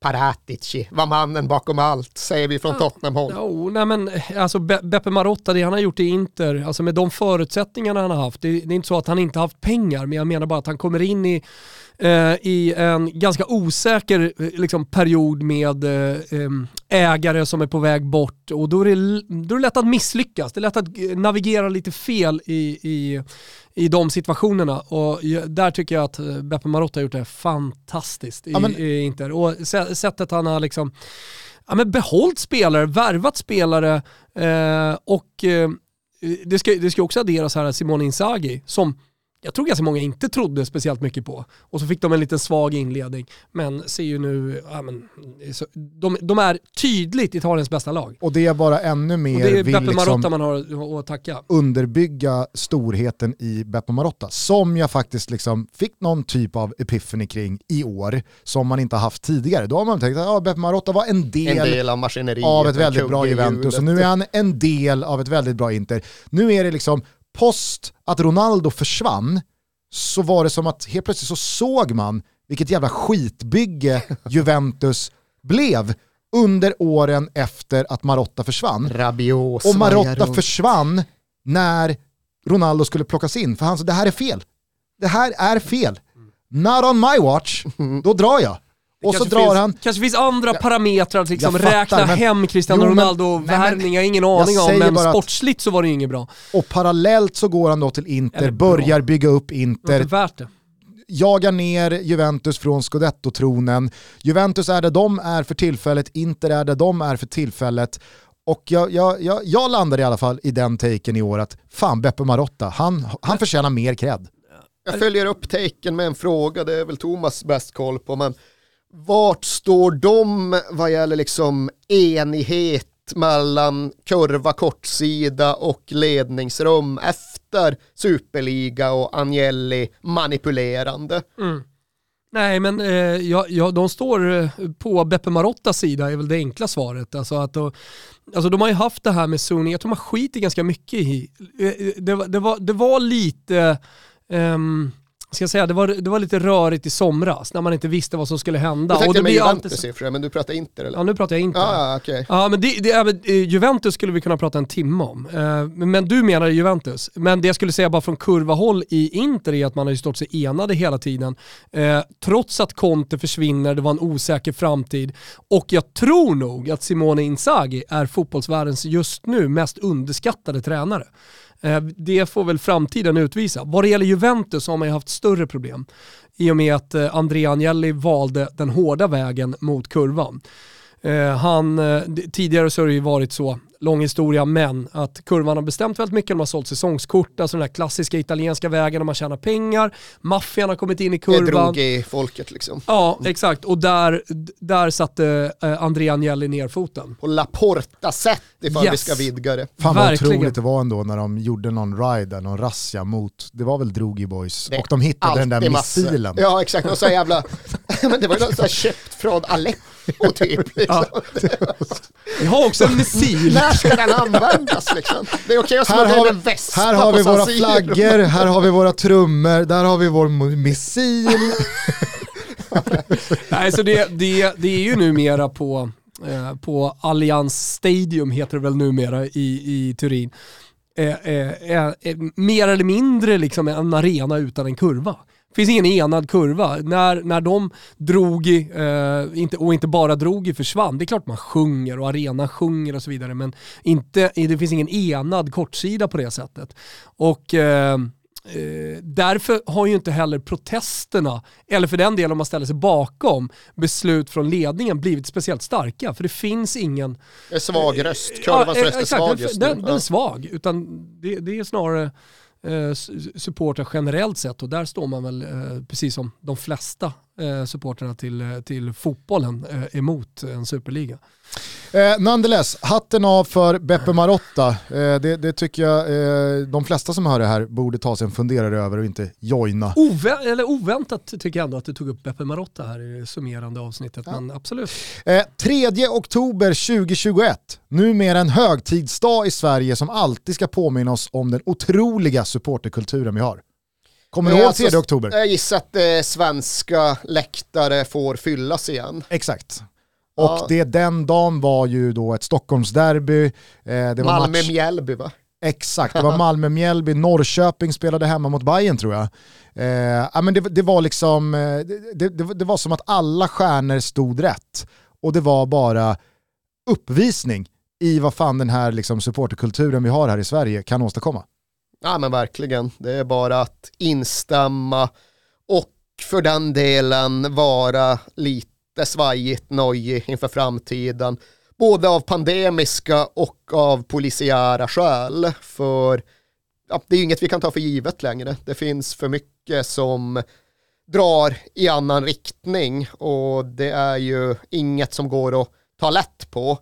För ja, ifall vi börjar med det pandemiska så är det ju bara att konstatera att nu spelar vi inför tomma läktare igen över stora delar av kontinenten och fan vet vad som kommer hända med den brittiska fotbollen de närmsta veckorna och vad därefter tror man där? Eller finns, kan man ens tro? Eh, Nej, Går det det är spekulera? svårt att spekulera och tro att man har någon liksom epidemiologisk pejl, det ska man nog Nej. fan akta sig för. Och plus att det det blir också ett dåligt poddsegment med tanke på att det här går den typ 2 januari. Nej, förmodligen redan omgångar har ställts in i England. Det är väl den spekulationen som kan visa sig felaktig. Men ja, det är jävligt hög smittspridning. Det är ju svårt att se att det är rimligt att dunka in 60 000 på en arena samtidigt. Men vad fan vet man? Men det minns jag ju ändå var den stora grejen när vi hade det här samtalet för ett år sedan. Vart fan ska det ta vägen med allting? Och nu står vi här ett år senare och har väl fortfarande ingen riktigt svar. Hur ont i magen har du över villkorstrappan här hemma? Mm, Väldigt ont i magen, även om det då inte för mig är det viktigaste i världen att bränna av en bengal. Jag är inte liksom pyroromantiker för egen del på det sättet. Men jag accepterar ju att hela den diskussionen handlar ju i grunden inte om pyroteknik utan den handlar om liksom supporterrörelsens självbestämmande och eh, jag är ju jävligt orolig för att nu har det gått några år och det tycks ju inte som att eh, rim och reson vinner mark i debatten, snarare tvärtom. Och det känns som att ja, diskussionen har skjutits upp gradvis och stegvis, men den har fan inte försvunnit utan snarare skalats upp. Som sista summerande 2021-grej så slår jag fast att eh, det här var året Diego Simeone tog sin sista tunga titel som eh, tränare för Atletico Madrid. Så lätt att säga det nu också när det har gått lite dåligt en höst. Men ska inte han liksom bara komma tillbaka och göra en stark vår? Ska han det? Nej, kanske inte. Jag vet, jag vet inte. Nej men vi var inne på det lite när vi pratade Manchester United och att vissa klubbar, Arsenal, Milan och så vidare, alltså de kan också vittna om hur tufft det är att gå vidare från en sån här lång och framgångsrik era under en jävligt älskad och hyllad manager eller tränare. Alltså, Diego Simeone och Atletico Madrid är ju oundvikligen på väg mot det som måste bli en skilsmässa någon gång. Och var hamnar Atletico Madrid då? Jag vet inte. Men får jag, får jag addera till någonting jag eh, eh, om jag nu ska kolla i min spåkula och eh, om jag ska vara lite romantisk. Ska inte han bara liksom puttra på, det ska gå lite sämre, han når inte hela vägen, han vinner inga titlar som du säger. Fram till sommaren, han fortsätter ändå året efter. Samtidigt så går Simone Inzaghi som tåget med Inter och storklubbar vill ha honom och han hamnar typ i PSG. Och då kommer Diego Simeone till Inter och med sig tar han grabben Giovanni och så vinner de en eh, scudetto med Ja, men det Inter. han väl flagga för att han ska till Inter någon gång innan han ska tillbaka till Argentina och bli förbundskapten och sen göra hela den Ja, har cirkelslutningen. Så inte mig emot, men jag tror ju att Atletico Madrid absolut står inför den typen av identitetskris på andra sidan. Det kommer bli hopplöst att följa i Simeones skor och jävla vad det kommer bli några bondeoffer där i början. Mm. Men sen är det ju också Simeones eh, utmaning gentemot sig själv, för jag är ju inne på att det inte alls är givet att den erfarna tränaren är den bästa tränaren. Erfarna tränare själva vill ju alltid hävda det och liksom hänvisa till Tom Prahls eh, bild av hur man alltid vill ha en kirurg som har gjort tusen operationer snarare än en kirurg som har gjort tio operationer. Men det är inte riktigt applicerbart för fotbolls jobbet som fotbollstränare är i hög utsträckning ett innovations och energiarbete. Och det är jävligt svårt att fortsätta ligga i framkant vad gäller det innovativa. Du har ofta liksom en riktigt kreativ period, alldeles oavsett om du är låtskrivare eller fotbollstränare. Och din första, andra och tredje platta tenderar att vara bättre än din elfte, tolfte och trettonde. Och ifall du därtill då är Diego Simeone och en energi och intensitetstränare så är det fan inte lätt att fortsätta kräma fram den där kraften ur mer eller mindre samma spelargrupp år efter år.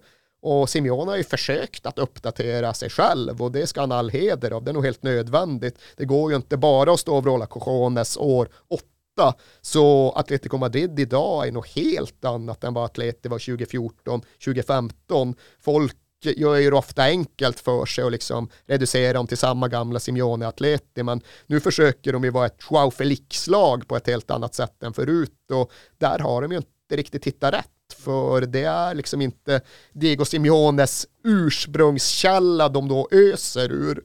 Och det är ju att jag tror att utmaningen ligger både för Atleti som klubb och Simeone som coach. Det är inte nödvändigtvis så att han kommer vara världens bästa intertränare heller när om han kommer dit. Men så då slår vi fast att han har vunnit sin sista tunga titel som Atletico Madrid-tränare. Så länge du inte sitter här och räknar in supercuper och skit. Nej, det är ingen tung Han, han titel. kan vinna Europa League ytterligare en Men gång nästa lagen? år eller någonting. Såg ni lagen? Eh, Jag, jag hade liksom inte reflekterat över det när Europa League och Champions League var färdigspelat utan bara först när jag såg lottningen till eh, det som är åttondelsfinalen va? Champions League-treorna, de går in i Europa League och möter grupptvåorna innan då gruppettorna från Europa League kliver in i Jo men det finns en massa matcher som jag tycker är härliga i alla Ja, fall. är det. Och, och det är liksom Leipzig mot Real Sociedad och det är Barcelona, Napoli som jag nämnde tidigare, Dortmund Rangers, Porto Många Dortmund Rangers är man sugen på. Eller Fan hur? vad fint. Ja, det kan bli ett par riktigt fina Europa Sevilla, League Dinamo eh, Zagreb. Det är matcher också- i vår. Sevilla ska inte spela någon jävla Champions League, det vet vi alla. Nu är de där de hör hemma. Exakt. Som ett litet axplock från eh, föregående avsnitt eh, när vi gjorde samma sak inför 2021 så kan ni här få höra att Gugge bland annat hade som en liten take att Manchester City skulle hosta upp en miljard för Jack Grealish. Otroligt, otroligt. Eh, Cristiano Ronaldo sluter cirkeln och går tillbaka till Manchester United. Ännu mer otroligt. Florenzi leder PSG ut i nedmonteringen av den katariska satsningen. Känns bättre. Gick ju sådär va. Paul Pogba gör ännu ett klubblagsår starkt ifrågasatt av egentligen alla utom Mino Raiola. Det är väl också bara att ticka in. Eh, VAR och hans-regeln blir inte ett dugg bättre eller rimligare. Nej, jag tycker ändå att VAR har faktiskt blivit aningen bättre. Nu, jag föredrar att de går in för lite än att de går in för mycket. Mycket och det tycker jag ändå är en gradskillnad framförallt i England. Men sen har de ändå börjat strula till det och ta massa konstiga beslut som uh, offsiden i Milan-Napoli. Och, ja, men det finns ju många exempel. Ja nej vad fan maxat Men- blir det ju aldrig. Nej. Thomas Wilbacher, Peter Hunt och Robert Laul åker på grabbhelg ihop. Fan jag hoppas att det har hänt i skymundan. Tyvärr alltså. Det skedde, det- men ni pallar inte att lägga ut det socialmedialt. Ungefär som alla allsvenska spelare som nu åker till Dubai under radarn och tror att de ska komma undan Qatar-diskussionen genom att inte kommunicera kring det. Uh, ja, nej men uh, som ni hör, uh, det blev några pilar som ändå träffade ganska rätt på den där tavlan. Vi får väl se hur det låter om ett år när vi nu summerar mina presumtiva händelser för 2022. Eh, Rooney Bargi landslagsdebuterar 16 år gammal mot Tjeckien i playoff-semifinalen och avgör skiten. Så blir det ju tyvärr inte för att det är inte så Janne Andersson opererar. Och här ska det också sägas att jag har ju jättesvårt att bedöma Ronny Bargi i och med att jag sett honom spela fotboll i kanske 10 minuter sammanlagt. Det är väl det han har spelat på seniornivå också. Rätt mycket så, men det är klart att han har någonting som vi egentligen inte har sett i en 16-åring tidigare. Alexander Isak var också otrolig som 16-åring, men han hade ju andra grejer. Men Jan Andersson var inte skitnära att ta ut honom till playoffet mot Italien 2017, så det kommer inte hända, men eh, jag, jag, jag ser ju vart du kommer ifrån. Ja, Janne satt ju hos oss här för någon månad sedan och eh, sa lite samma sak, att saker och ting ska ha sin tid. Eh, och han är bara 16 år. Men alltså, det här är ju bland det jävligaste man har sett. Vilken spelare. Hur bedömer ni Anthony Elanga, apropå svenska supertalanger som vi ändå har sett lite mer av? Ja. Alltså, jag, bedömer ju väldigt mycket anfallsspelare av den typen utefter deras tillslag och hur de liksom, ja, sätter foten på bollen Du och var hatade- bollen Du hamnar. hatade Elmander och Fredrik Ljungberg. Lite så. Jag har sett eh, en och en halv match med Rooney Bargi, ser eh, större potential i honom än Anthony Elanga. Med det sagt, jättetro på Anthony Elanga. Men Rooney Bargi är, det är problemet- något annat alltså. Problemet med Elanga, eller så, spelartypen, är att han måste ju göra minst 12 mål för att det ska vara eh, liksom, så här, intressant i, på den nivån som man ska spela. Och det är en bit dit. Jag tror att, Sen är han jätteung och allt. ja, jag tror framförallt att han gynnas av att Ralf Rangnick ska vara där ett tag. Han passar in i Rangnicks tänk och kan få den coaching han behöver i det här läget. Och där är ju tilltron högre till Rangnick och hans grabbar än till eh, Ole Gunnar Solskjaer och Michael Carrick, det är bara att erkänna. Och det var Men- väl en grej direkt när Ragnik kom, att uh, han gav Helt Elanga plötsligt var han speltid. med i Ja. ekvationen, ja, Ja. absolut. Sen vet ni ju hur det kommer sluta med Jesse Marsh och Jesse Ja, Marsh just det, det out visste och sådär i, Men, februari eh, 2023. Men Elanga surfar ovanpå det. Det kan bli en fin vår för Elanga, absolut. Eh, Pep Guardiola tar den där historiska kvadruppen med Manchester City och försvinner sen spårlöst från fotbollen. Jag hävdar ju fortfarande att han mycket väl kan dyka upp som förbundskapten för Qatar i VM, men det börjar bli tajt om tid för att det ska ticka in. Eh, spårlöst blir han, han, han gör något med Man City, han lämnar Man City, sen tar han ett sabbatsår, och te- förra gången var i New York, nu blir det väl någon jävla så här indiskt silence retreat eller något. Så, Yoga knulläger någonstans. Och så det är väl, nej, men det är väl så, vi är väl ganska samstämmiga där. Kommer tillbaka efter ett år, jag har varit och knullat i Indien. När, alltså, I New York var det väl schack han körde jävligt mycket. Ja, det var väl sånt. Och så var det ju mycket språklektioner också, Mm. för han skulle minsann kunna tyskan när han kom till München. Ju det Men, Max Allegri eh, gjorde, gick på språklektioner i ett år så blev det Juventus Han trots satt, allt han ändå. satt typ i London, va? han bodde typ i London. Ja, men sen slutade ju med, han tröttnade efter ett tag så han satt och bara spelade kort i Livorno. Schack i. New York, kort i Livorno. Det är skillnaden Jag tar de två korten i. Livorno i fall. 100 procent. När eh, Zinedine Zidane mycket oväntat eh, tackade för sig efter Real Madrids tredje raka Champions League-titel där 2018, då sa jag samma sak. Han kommer, ta, han kommer köra Qatar i, i VM. Eh, men Den lever väl Ja, men fortfarande? det, det, alltså, så här, du, du nämner ju någonting intressant här också, för att det är ändå Vem är märkligt. tränare nu? Är det han Sanchez eller? Alltså, de har ju Han haft ska ju inte träna dem i Nej, VM. de kommer ju ta någon jätteprofil. Jo, det är klart de kommer, men de har ju alltså, nu ska jag inte sitta och liksom plussa Qatars sportsliga tankar här, men de har ju haft en konsekvens i det där att de har byggt landslagsapparatur på egentligen La Masia-modell, och det var ju en spansk, katalansk dude som fick ansvar för den här spelargenerationen, och som tog dem till Asian Cup-seger. Och nog fan tror jag att han fortfarande sitter kvar. Hette han Sanchez? Wilbarser realtidsgoogla så vi kommer snart få svaret. men jag håller på och gräver här. Nej men det roliga är att jag hittar ingen coach. Ja, men det så jävla Jo Google. Felix Sanchez. Exakt, den där Korrekt. jäveln. Men Snyggt. eh, just att de ska uppgradera det med något mer namnstarkt, det känns väl inte Det är ju fotbollsvärldens tydligaste dead man walking, Felix Sanchez. Ja. Och då hade han ändå gjort det jävligt bra. Alltså, det är, han starkt Qatar-jobbat, men den spåkulan är väl bara att, att blicka in i. Han var ju i Aspire Academy innan han tog Qatar U19. Det är så jävla Mera serie Qatar alltså. U23 och han har gått hela Qatar-vägen. Ajax. One of their own. Ajax ger sig själva chans till revansch med en ny Champions League-semifinal. Alltså så som de har spelat under gruppspelet. Och då slog de i Feyenoord igår i den holländska klassikern så vad fan är jag, det är väl ganska rimligt. Det är klart att inte Har ju Benfica i åttondelsfinalen så att eh, de har ju absolut möjligheter att eh, stå inför en Så det är fri kvartslott. lottning så man vet ju inte vad de Och så hamnar kommer emot. Christian Eriksen tillbaka och liksom knyter säckar. Jag hoppas du har rätt. D- Däremot så rätt. tror jag alldeles oavsett om de möter City, Liverpool eh, eller Real Madrid att de, de, de har liksom med Ten Hag, med deras fullständiga respektlöshet som de verkar ha eh, under Ten Hag, att de eh, om allting studsar rätt ändå kan vinna över alla lag över två matcher. Det går. Man sitter tror jag de får svårt med för Ja, att det är liksom känns- för snarlik spelmodell. Men de PSG möta- kan de ta. Absolut, absolut. På samma sätt som de slog ut Real Madrid Just det. 2019. Just liksom lite åldrat och lite mätt stjärngäng. Det kan de definitivt virvla förbi. Kim Bergstrand berättade i en inför allsvenskan-intervju med Erik Niva att han nyss läst Idi Amins självbiografi. Vi blir farliga i år är andemeningen.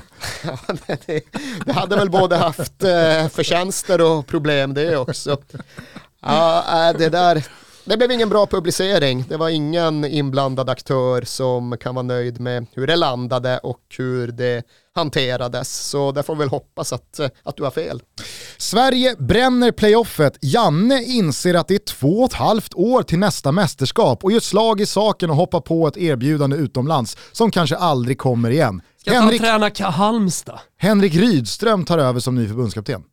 Mm, mm. Om vi, om vi bara bryter ner det lite snabbt. Ja. Om nu Sverige skulle Men- bränna VM, tror ni inte är ändå möjligt att Janne inser att jag kanske får en chans i livet att faktiskt utnyttja mina resultat som förbundskapten hittills och då kunna ta ett jobb Men utomlands. det där är ju också en grej att svenska tränare står ju sig så jävla svagt i en internationell rekryteringsprocess. Vad tror du han skulle kunna få? Rapid vin liksom. Jag har, faktiskt, jag, har faktiskt, jag har faktiskt ingen aning, men jag förutsätter att om det skulle vara någonting som alltså, får honom att säga upp sig från eh, jobbet som förbundskapten. Jag, jag tror att han skulle kunna hamna i MLS. Men det kan han inte ta. Nej, jag vet inte.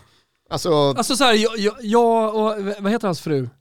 Ulrika va? Ja, men, så här, hon typ tar beslutet, fan vad roligt det vore att bo i LA liksom. Alltså Janne Andersson känns ju inte som att han vill bo utomlands. Fast, fast hon är så jävla pigg och Ja. äventyrslysten känns det som. Men så eh, att jag, jag skulle, skulle, han kunna ta, skulle, han kunna ta, skulle han kunna lösa ett mittenlag i Bundesliga? Borussia Mönchengladbach och skit under Adi Hütter liksom. Få den möjligheten. Det känns ju inte farfetched och jag tror i och för sig att många tränare, inte minst Janne Andersson, lever ju och dör med sin kommunikation. Och på svenska har jag ju sagt förr att där är Janne Andersson 5 plus. På tyska befarar jag att han är svaga 2 plus. Och ja, jag, som Ten Hag då, ja, vägrar ta sig. Nej, jag vet inte fan, men alltså det är klart att även här, du är ju du är rimligare i din spåkula den här gången än du var föregående. Jag kan ju följa alla tankar, jag ser ju vart även detta utgår ifrån. Och med Henrik Rydström, då börjar man ju fundera, okej vad finns det för alternativ om nu Janne skulle välja att gå till Borussia Mönchengladbach?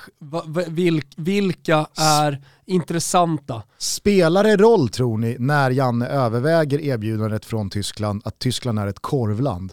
Ja men det gör det ju. Ja, det Det, gör det, ju. det är ju ändå liksom en utlandsresa som han är lockad av. Ja, Han tänker på den där kurvursten i Berlin. Att, mm, kanske skulle vara bra grejer. Men, det är svårt att identifiera nästkommande förbundskapten. Alltså Rydström, då är det ju i så för fall ung, att... eller? Ja, men det är också att förbundet i så fall ska gå tillbaka till det de har gjort fel under årtionden. Att så fort de blir trötta på en tränartyp, då ska pendeln svänga hela vägen. Från Lagerbäck till Hamrén och från Hamrén tillbaks till Jan Andersson och så ska vi sen ta det liksom hela vägen till en helt annan spelmodell igen. Jag är inte säker på att det är rätt väg att gå. Och liksom någon mellanvariant alltså på fullaste allvar så skulle ju Kim Bergstrand och Lagerlöf vara ett alternativ sett till vad de har gjort med Djurgården spelarmässigt, spelmässigt över flera år. Sen vet jag inte liksom hur det limmar med deras egna ambitioner och med just förbundets syn på kommunikation och annat, men det är ju ändå det är ändå namn som förtjänar att diskuteras när man ser till vad de har uträttat. Mm. Ja, spännande eh, att se vad som händer ifall vi nu skulle bränna playoffet. Hoppas vi inte gör det så blir Janne kvar över VM och kanske i all evighet, inte mig emot. Danmark bojkottar VM. Nej. Nej, det är klart att det inte kommer att hända, eh, men Hur långt kommer någon Norge gå tror du i protestaktioner gentemot VM som faktiskt har någonting att förlora på det? Inte särskilt långt alls när du inkluderar det där sistnämnda. tror inte någon som har något att förlora på det kommer driva det så här. Det som skulle kunna hända är ju att Alltså de spelare som eventuellt skulle Ja men alltså hade bojkotta. Finland gått dit hade typ Tim Sparv Ja. kunnat gå ut och bojkotta det för eh, ja, han verkar röra vid de tankarna och han har väl också liksom en karriärskurva som har sin gång men något mer dramatiskt än så tror jag inte kommer hända. Det är väl, jag vet inte om jag ska kalla det den sorgliga sanningen men det är väl den realpolitiska sanningen. Sergio Ramos sänker Real Madrid med ett sent nickmål på hörna och skickar mesta mästarna ut ur Champions League i åttondelsfinalen. Ja, ja det händer ju. Det är, ju, det är så gott som klart. Det är skrivet i stjärnorna. Det var han som manipulerade lottningen. Erdal Rakip vinner sitt sjunde SM-guld men man vill ändå inte ge det till honom att han är en av de stora. Vad fan har Ravelli? Eh, jag tror att eh, Rak- Rakip nu, eh, han, tog väl, han är väl en bakom. Jag tror att Ravelli har åtta. Okej, så han behöver vinna två. Nu är han sex Erdal eller? Ja. Ja. Ja. Ja, Att Malmö vinner SM-guld och att eh, Rakip spelar i Malmö hela säsongen nästa säsong, det är väl ganska troligt. Men eh, alltså, delar du min känsla att det spelar ingen roll hur många SM-guld Erdal Rakip verkar vinna? För att man, man ger det liksom inte till Och det är honom fortfarande ändå. också så att det spelar ingen roll hur gammal Erdal Rakip är, man tror fortfarande att han är ung liksom. Det är också en del han av ekvationen. är fortfarande ung. Det är det som är sjukt. Ja, vad är han? 24-25 någonting? Jag tror han är 95 Ja, 26 då. Ja, men där någonstans. Ja, nej, men det lär väl hända och där finns det väl kanske inte så mycket att fundera på. Däremot finns det ju mycket att fundera på alltjämt med vad som kan vara den märkligaste svenska proffsvändan i modern tid. Erdal Rakip till Benfica slash Crystal Palace. Det har ju fortfarande inte riktigt klargjorts vad fan det var frågan om. Nej, det var oerhört märkligt faktiskt. Men eh, den stora frågan vad det gäller Malmö FF eh, säsongen 22, det är väl annars vem som kommer träna dem. Eh, du får fråga din eh, nyblivne kollega Disco vad det är som händer på tränarfronten där, men, men av allt att döma vad jag har förstått så vill Malmö FF ha en ny tränare. Och Jon Dahl vill till typ Feyenoord. Liksom. Exakt. Ja. Och där är det ju som alltid med svenska klubbar gentemot den internationella säsongen att alltså, nyåret utomlands är under sommaren och nu är det nyår för svenska klubbar. Vilket gör att Malmö FF måste ju, alltså Daniel Andersson och gänget vill ju inte hamna i ett läge där Jon Dahl Tomasson ska försvinna i sommar och man riskerar allting när man ska in i nästa Champions League-kval. Och Det skulle inte förvåna mig om Milos Milojevic hamnar i Malmö FF. Det vore ju också en jävla snurr. Måste kolla med liksom, alltså. måste kolla med Lägg Boja. med det. Det är min enda. Milos Milojevic eh, Tränar Malmö FF. Leder ut Led, Malmö FF. Leder dem till SM-guld med Rakip som nyckelspelare. Måste kolla på Bojans serbiska utvärderingsskala huruvida han är pålitlig eller en bonde. Med tanke på hur han har betett sig i Bayern så kan jag väl misstänka vart Bojans utvärderingsskala tar oss. Men annars kan jag väl tänka mig att Henrik Rydström även där, kanske snarare än i landslagsdiskussionen, är ett namn som lär upprepas. Alexander Isak tar nästa steg i sommarfönstret och joinar Dejan Kulusevski i Premier League. Jag är ju livrädd för att någon av dem, framförallt Alexander Isak, ska hamna i Arsenal. Det är ju rätt mycket sådana spekulationer, kanske Men det är främst... där man vill vara nu. Jo, men jag vill inte att de ska vara bra och kul och blågula. Vad Och det är väl väldigt mycket Arsenal-snack även kring Kulusevski. Vilket jag inte riktigt förstår, för vilken roll ska han fylla där? På offensivt mittfält, ifall vi fortfarande kallar det för ett sådant, så har de ändå Saka, Smith Rowe, Martinelli och Ödegård. Men det var väl snack om Spurs för bara några veckor Jo, sedan också? och det- Där passar han väl bättre in, eller? Ja, alltså jag vill inte att vi, det ska inte vara svenskar i vare sig Arsenal eller Spurs. Det blir jobbigt hur vi använder oss, så där ska vi ge fan i. Men där tror jag ju spåkulemässigt att Spurs kommer ju värva hejvilt från Serie A, så där kommer ju det säkert att ticka några boxar. Jag kan ju se framför mig liksom så här, ja, en halv miljard för De Vrij. Det är ju den typen av värvningar vi kommer göra framöver. Frankesi är väl lite up for grabs här också. Ja, han vill inte förlänga. De Ligt, vet fan vart han ska hamna. Nej, han ska nog fundera på sin framtid i alla fall. Men eh, ja, alltså jag är ju skraj för Alexander Isak, de ska ha en ny nia. Och där passar han ju verkligen in i vad jag tycker är Arsenals kravbild. Och förmodligen kommer liksom en Vlahovic-figur vara utom räckhåll för dem. Och då är det väl ett hack ner och då är det typ Alexander Isak vi står vid. Så den spåkulan fruktar jag för fan. Jag genomled 10 Ljungberg i år och det gjorde inga bra saker med den svenska fotbollens relation till Arsenal och dit vill jag inte igen. Eh, Min sista spådom vet jag att eh, Thomas eh, stämmer in i. Tyskland vinner VM-finalen och slår rekord i antalet gjorda mål i ett VM-slutspel. Ja, Thomas skulle stämma in trodde jag, men Nej, han jag Ja, nej, jag- jag, jag utan håller jag med honom. jag Nej, jag, jag vet- jag har jag utropat dem Ja. till eh, VM-mästare eh, 2022 redan. Ja, det finns ju någonting i att de ska studsa tillbaks från EM och att de har spelare för att göra det. Och att Hansi Flick är världens bästa förbundskapten som Tyskland någonsin kommer ha. Det har ni slagit fast i något tidigare avsnitt. eh, Nej, men alltså, antar jag. så här, i- i- Han är, känns rätt. är, det inte, är det inte drömmen för alla? Han känns ju Jogi Löwsk på sättet han kommer in i det hela. Så ja, för helvete, Tyskland kommer inte göra ett till misslyckat mästerskap. Frågan är om Frankrike kommer göra det. Frågan är liksom vart deras jävla kompletta trupp tar vägen. Och sen tycker jag också Brasilien är jävligt svårbedömda. Eh, borde kunna vara VM-favoriter, men är inte VM-favoriter. Eh, så nej, vad fan, jag får väl hoppa på liksom Alltså, flickbåten, är det fortfarande båten som gäller i den här kontexten? Jajamän, det kan vara. Ja, då får jag hoppa ner i flickbåten då. Kul! Eh, det var det hela. Jag är ledsen att vi inte blev längre, men eh, jag tror att vi skakade ihop tre och en halv timme. Ja. Eh, Erik, eh, återigen, eller det, det här eh, går väl inte att säga nog. Fan vad roligt det är att göra det här med dig. Ja, det är fan alltid ett nöje. Som sagt, det kan ha gått ett år, det känns som en vecka och det enda som är nytt är att det är utsikt från studion. Det, ja. Och det var inget bra. Nej, det var inget bra, det var inget bra. Som Janne Andersson skulle ha sagt, saker ska vara så som de alltid har varit. Syrefattigt vid den här tiden. Nu har vi alldeles för mycket syre. Nu återstår bara en sak av denna tradition, nämligen att Erik Niva avslutar detta årssummerande dubbelavsnitt med en låt som på något sätt får benämnas då som årets låt med en tillhörande motivering. Ja, för helvete. Och som sagt, det här lägger jag ju ner oproportionerligt mycket tankekraft på.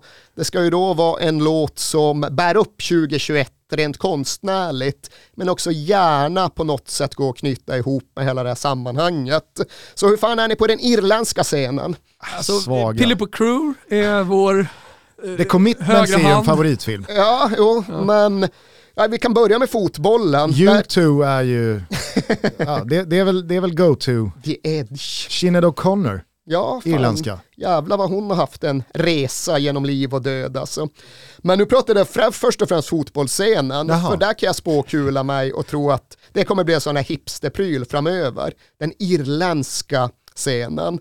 För jag vet inte fan hur den ska ka- karaktäriseras, men det är lite, om ni tänker, det som är bra med engelsk division 4-fotboll, ihopparat med det som är bra med tysk division 4-fotboll, då hamnar vi typ på Irland. Det är något eh, liksom brittiskt i grunden och här ber jag alla irländare om politisk ursäkt. Men därtill också det tyska med någon typ av samhällsengagemang och någon typ av väldigt stark lokal förankring. Och där finns det då en koppling till musiken i att ja, det finns ett av dessa gäng, så ja, men de har vuxit upp ihop, Irlands, Dublins arbetarklasskvarter och för dem är det självklart att fotbollen, den lokala fotbollen hänger ihop med kulturen och musiken och i någon mån aktivismen. Men sen går livet och det är fan inte alltid enkelt. Och så går en av dem bort och så ska de kvarlevande försöka hantera den sorgen. Och det är då den situationen som har blivit konst och som har blivit musik. Det finns ett band, nej det kan jag inte säga, men det finns en musiker som heter David Balfi som har ett alter ego som heter For Those I Love. Och det här är då en kille och ett gäng som utgår från supportermiljön runt Shelbourne FC. Denna fina klubb från norra Dublin och för den delen även musiken och aktivismen från norra Dublin. Och när då en av dem gick bort och de begravde honom, de liksom lät hans aska begravas på Tolka Park och skulle sedan hantera allt det som blev över och blev kvar och som blev sagt och inte blev sagt. Ja, då gjorde For Those I Love en platta om detta. Och ifall jag ska välja en låt så väljer jag den som heter You Live slash No One Like You. För där adresseras allt detta. Där smälter hela grejen ihop på det sätt som jag är så svag för. Det är liksom uppväxt och lokalsamhälle och en gemenskap genom fotbollen och kulturen som blir beständig och det är en kraftig solidaritet mitten och det är ett sätt att hålla ihop även när man inte riktigt vet vart man ska ta vägen. Så där jävla får ni det, 2021 Troligt. och allt det här summerar vi med You Live slash No One Like You med For Those I Love från norra Dublin. Underbara slutord Erik. Vi lyfter på vår hatt och tackar dig återigen för att du kom hit och summerade fotbollsåret tillsammans med oss. Ett nöje, verkligen. Ett nöje. Och eh, Thomas, vi adresserar väl alla som hör det här och skickar med ett jävla stort tack för att de var med oss eh, ännu ett år i Toto Balotto-båten. Mm. Börjar vi se slutet? det gör vi inte. Ni har ingen tydlig Toto Balottos framtid är eh, till skillnad från When We Were Kings inte utmätt. Utan vi ångar på i eh, god tro om att det här mycket väl kan snurra i 570 någonting avsnitt till. Eh, gott nytt år, låt eh, 2022 bli ett jävla pangår. Eh, vi ser redan fram emot att eh, göra nästa avsnitt Toto. Så vi hörs snart igen, ta hand om varandra. Ciao tutti. Ciao tutti. Cause you live in a Lazarus soul. And the Dubliner songs of old and the pogues, the art that never grows old. You live in fireworks at the prefabs, cash for hash and give it a lash jack footballs off the pebble dash. I hear you when I'm locked poems of the jewel shock, lock, stock, and hot rocks round the block never stop. And I see you still, wild in every field. Try and send you photos of every stray mattress I see and ask what could have been. Cause you live in Christy Moore, George Moore, Catch Me Daddy English Moors and Broken Doors. You live in Keats, the Liffey littered with broken seats and disorder by Joy Division forever on repeat. You live in the books of John B. Kane, How McPhelan leads, and Petey playing Vanessa Carlton on the keys. I see it in every 20 quid haircut and Billy Struff from the lads stuck in a rut, but we get by. You're all that's on my mind. When points in the killer are the flowing tide, and all the other lads at my side on the same vibe.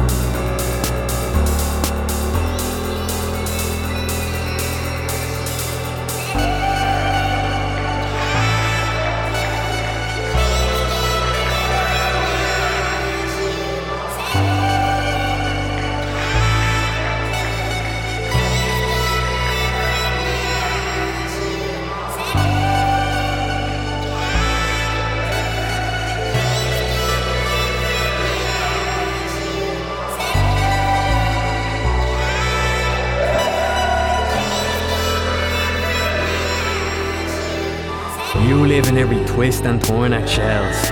Alan Bourne head the ball and all the glory in hell, and at times we win as well. Still sit in your spot at the newsstand. Watch the young ultras throw cans and get banned beside old men smoking subpar soap bar hash as we look out into the field where we laid your ash. You live in Zoe's love for Coolock and Kilmore. You live in Gav White's joy every time we score. You live in every skin fade Barry does in your name and every word Doyle speaks on stage. You live in Dean Delaney, Bulbuck, Adam Evans, in the beautiful game's best starting 11. You live in Robbie Lyons and all the love and light that shines. You live in Wes, Ross, Gilly, Rob and Sam, in the voice of Gav and James and Pam. You live wild in my memory, in every burst of ecstatic energy rushing in waves. Still live in the videos of the blaze, still live in warehouse raves. Mike Skinner early days torn the page. You live in the flames that rage and fight the pain, and you live in a love that'll never fade.